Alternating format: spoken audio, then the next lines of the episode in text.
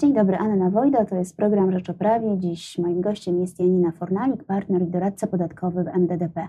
Dzień dobry, Dobry. witam Panią serdecznie. Porozmawiamy o split paymencie. On będzie obowiązkowy od 1 listopada. Te przepisy jeszcze nie zaczęły mm, obowiązywać, a już budzą e, mnóstwo wątpliwości, ale może zanim powiemy o tych wątpliwościach, to spróbujmy powiedzieć, na czym polega ten split payment i kogo będzie dotyczył, bo nie będzie obowiązkowy dla wszystkich. E, Tak jest. Myślę, że generalnie z formułą split payment e, większość podatników już miała styczność ze względu na to, że e, od 1 lipca 2018 już funkcjonował w Polsce w formie dobrowolnej, Mhm. czyli jakby sama podzielona płatność polega na tym, że kwota netto trafia na rachunek zwykły, na rachunek rozliczeniowy, a kwota VAT-u na rachunek VAT, z którego nie można swobodnie dysponować środkami. Natomiast to, co się zmienia, to rzeczywiście objęcie obowiązkowym split paymentem e, pewnych branż. Mhm. I są to przede wszystkim branże, które były dotychczas objęte odwrotnym obciążeniem, czyli elektronika, e, czyli budownictwo, e, Mhm. usługi budowlane, ale świadczone już nie tylko przez podwykonawców, tak jak było przy odwrotnym obciążeniu, Mhm. ale generalnie na każdym etapie w, w procesie budowlanym. Również te usługi, czy te dostawy, które były objęte solidarną odpowiedzialnością w zakresie VAT-u, będą teraz e, objęte obowiązkowym split paymentem. I będą też dodatkowe branże, które e, wcześniej nie były w ogóle objęte ani odwrotnym obciążeniem, ani solidarną odpowiedzialnością. I to jest przede wszystkim branża motoryzacyjna, e, części i akcesoria do samochodów, do motocykli i węgiel i jakieś takie też e, towary opałowe. Czyli całkiem sporo tych branż się pojawia na tej liście, która będzie musiała stosować obowiązkowy split payment. Tak, jest około 150 pozycji w załączniku numer Mhm. 15, 15 który będzie e, wymieniał e, od 1 listopada e, wszystkie towary i usługi objęte obowiązkowym split paymentem. Wspomniała Pani, że e, VAT będzie trafiał na oddzielny rachunek, z którego nie będzie można swobodnie wypłacać pieniędzy. To co z tego rachunku będzie można zapłacić? Tylko VAT czy coś jeszcze? Tutaj też jest zmiana od 1 listopada, ponieważ dotychczas e, w ramach tego dobrowolnego Mhm. split paymentu można było regulować tylko VAT do Urzędu Skarbowego, Mhm. ewentualnie również e, zap- e, płacić w formie split payment swoim dostawcom kwotę VAT-u. Natomiast od 1 listopada tutaj ta lista e, możliwości wykorzystania środków z rachunku VAT będzie szersza i będzie można regulować inne należności publiczno-prawne do Urzędu Skarbowego, e, takie Mhm. jak podatki dochodowe, czyli podatek CIT, PIT, e, również należności celne, akcyzę i co ważne, to również składki e, ZUS. Myślę, to, może, że to są... to może ucieszyć niektórych przedsiębiorców. Tak, myślę, że to może spowodować faktycznie, że nie będzie tych e, zatorów blokowania środków e, Mhm. na rachunku VAT. Porozmawiajmy teraz o wątpliwościach, bo te przepisy rzeczywiście sporo e, wywołują wątpliwości w praktyce, na przykład w przypadku wielostronnych potrąceń e, w rozliczeniach, o czym pisaliśmy zresztą na łamach Rzeczpospolitej.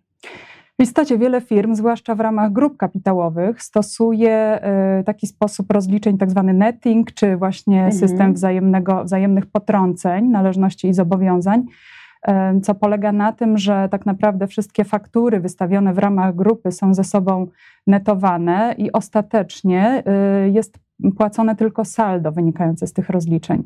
I e, powstaje wątpliwość, czy w ogóle do takiej płatności tego salda powinien mieć zastosowanie obowiązkowy split payment, czy, czy w ogóle nie mamy tutaj do czynienia z płatnością, która podlega pod split payment, ponieważ to ta płatność salda tak naprawdę nie dotyczy płatności za konkretną fakturę, Mhm. za konkretną dostawę towarów lub świadczenie usług, które jest objęte obowiązkowym split paymentem.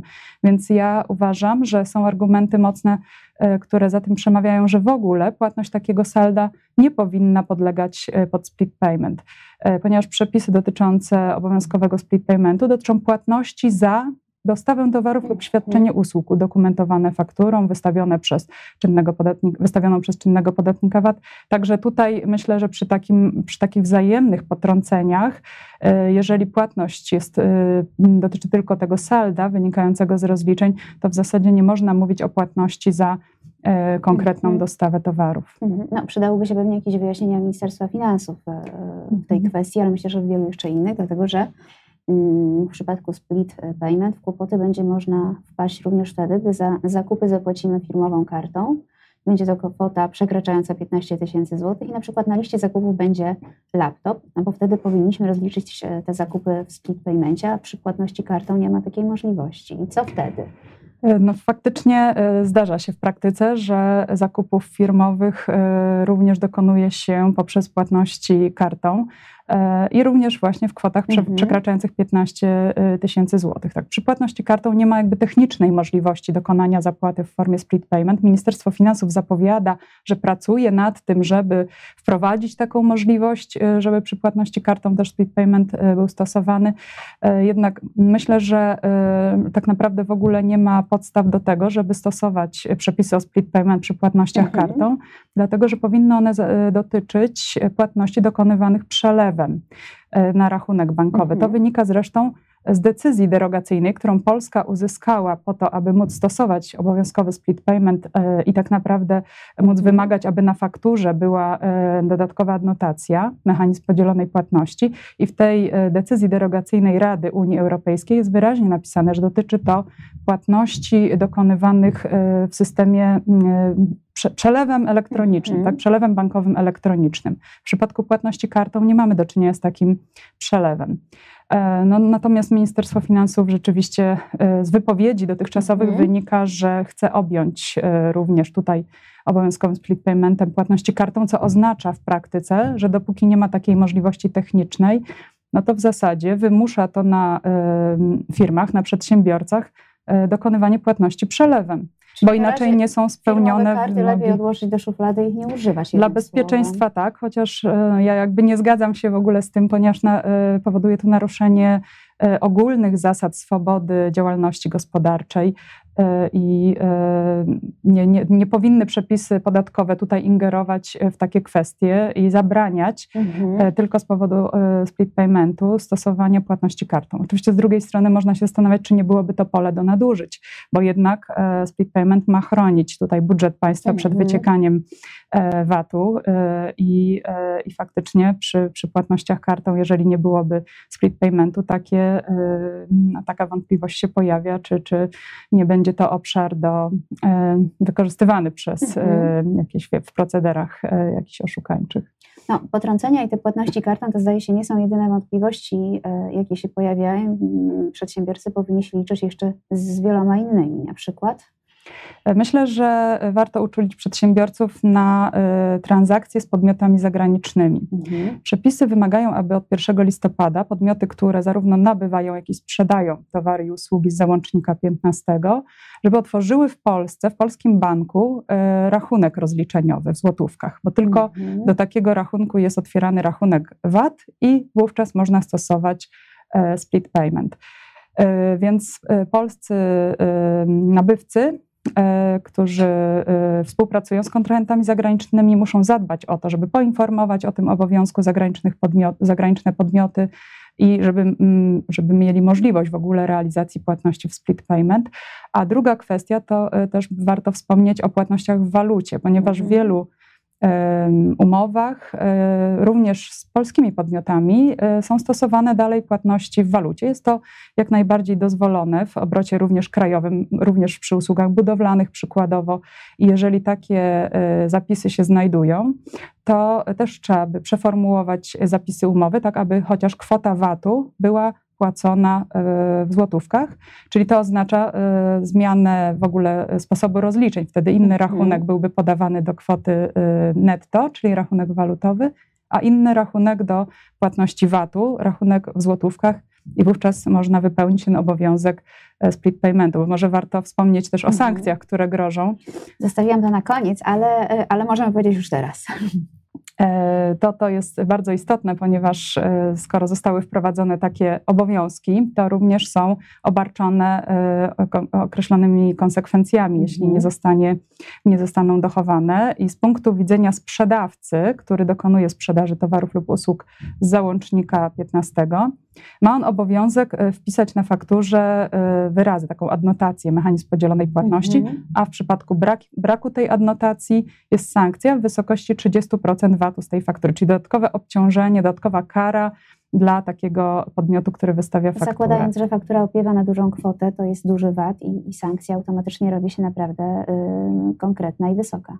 Tak, wprawdzie może się uwolnić od tej y, kary y, sprzedawca, jeśli nabywca zapłaci w formie split payment mimo że nie będzie tej adnotacji. To wtedy kara nie ma zastosowania, więc No tak, ale to są dodatkowe e, wymagania formalne e, stawiane podatnikom. i trzeba też zwrócić, wiedzieć o tym, tak, że, że Mhm. faktura faktycznie została wystawiona bez y, tej adnotacji i wtedy szybko zareagować, żeby nabywca zapłacił. Można też skorygować taką fakturę albo Mhm. poprzez wystawienie faktury korygującej, albo nabywca może wystawić notę korygującą, żeby ten, e, ta, to adnotacja, to, to sformułowanie na fakturze się znalazło. Mhm. Z drugiej strony sankcje dla nabywcy, który nie e, zapłaci w formie split payment, to jest e, z jednej strony brak możliwości zaliczenia wydatku do kosztów uzyskania przychodu. Od 1 stycznia ta, ta sankcja wchodzi w Mhm. życie, e, ale też tylko wtedy, gdy na fakturze z kolei jest zawarta adnotacja mechanizm podzielonej płatności.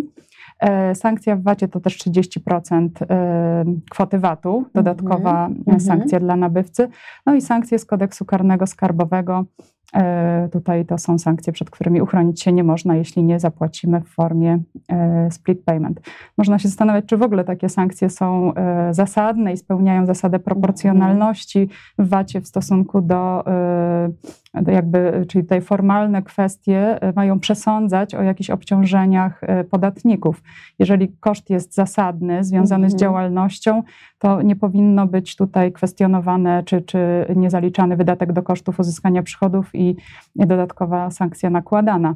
Być może takie sprawy pojawią się e, w późniejszym okresie w sądach. No, myślę, że pewnie wcześniej czy później jednak będą trafiały do sądów, bo zakładam, że różne sytuacje w praktyce mogą się zdarzać.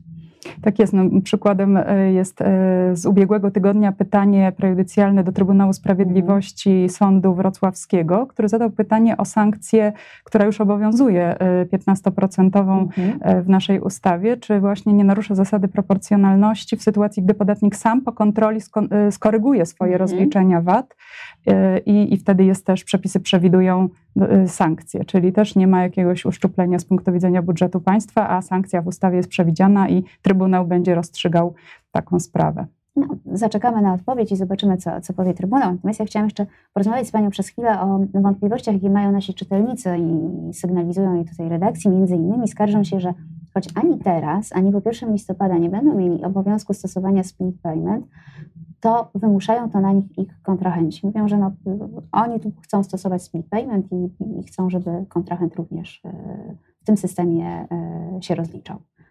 Rzeczywiście mogą, Mhm. mogą y, wymuszać. Znaczy zakładam, że pewnie ta druga strona jest pod ścianą, ma kontrahenta i albo z nim współpracuje, albo nie współpracuje. Tak, tutaj niestety nabywca e, decyduje. E, Jeżeli nie mamy Mhm. tego obowiązku, to e, faktycznie to nabywca e, może podjąć taką decyzję. E, I teraz coraz częściej się spotykamy z, e, właśnie też z takimi pismami, które kierowane są do Mhm. kontrahentów, że wszystkie płatności będą regulowane w split payment.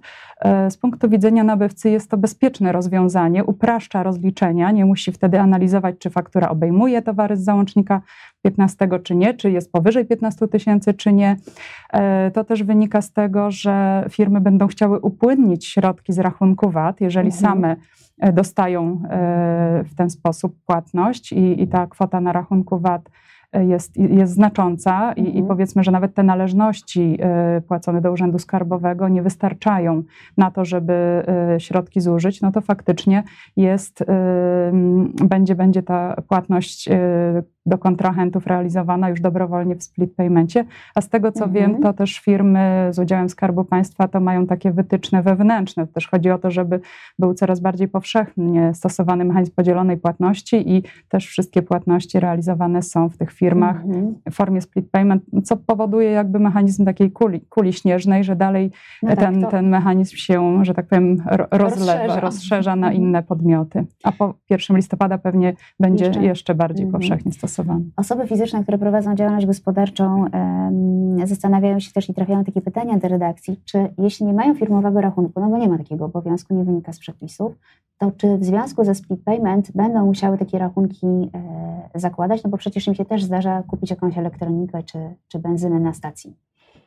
E, tutaj przepisy jasno mówią, że wszystkie podmioty, y, które dokonują y, transakcji, to znaczy albo nabycia, albo sprzedaży towarów z załącznika Mhm. 15, czyli również tych laptopów, będą zobowiązane y, założyć rachunek rozliczeniowy. Czyli dotychczas faktycznie osoba fizyczna prowadząca działalność nie musiała otwierać rachunku rozliczeniowego, Mhm. mogła korzystać z prywatnego rachunku ROR i wtedy była też zabezpieczona przed tym, że nie dostała płatności w, w split paymencie na rachunek VAT, bo tylko do rachunków rozliczeniowych Tak, banki mogły, y, mhm. otwierały, otwierają e, rachunki VAT. Natomiast y, tutaj też y, w przepisach jest wprost taki Mhm. obowiązek, czyli osoby fizyczne prowadzące działalność, jeżeli no, kupują te laptopy, tak, gdzieś tam się zdarzy, czy usługi budowlane, Mhm. tak, to też może się zdarzyć w ich działalności, to będą zobowiązane, zobowiązane założyć rachunek rozliczeniowy w banku. Co zresztą też już teraz w praktyce jest przez wiele firm